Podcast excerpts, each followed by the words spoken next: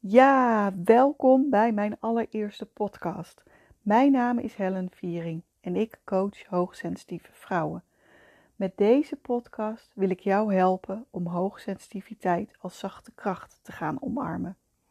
En voor deze speciale eerste podcast wil ik graag een eigen gedicht voordragen uit mijn boek Zachte Kracht. Zachte kracht.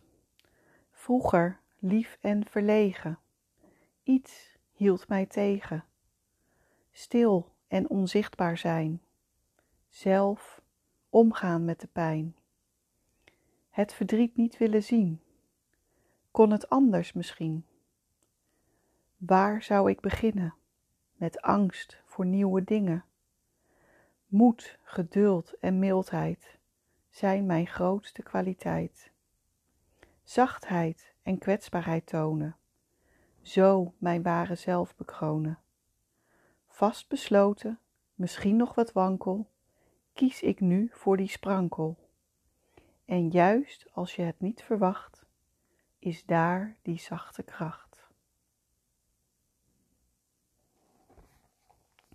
Hiermee uh, eindig ik uh, mijn boek. En in de volgende podcast zal ik uh, een stukje voorlezen waarin ik uh, ontdek dat ik hoogsensitief ben en waar er allerlei puzzelstukjes in elkaar vallen en hoe ik er nu mee omga en hoe ik het nu ook als zachte kracht kan omarmen eigenlijk. Dus wil je nou meer van mij lezen of wil je even meer over mij zien, horen, uh, leren?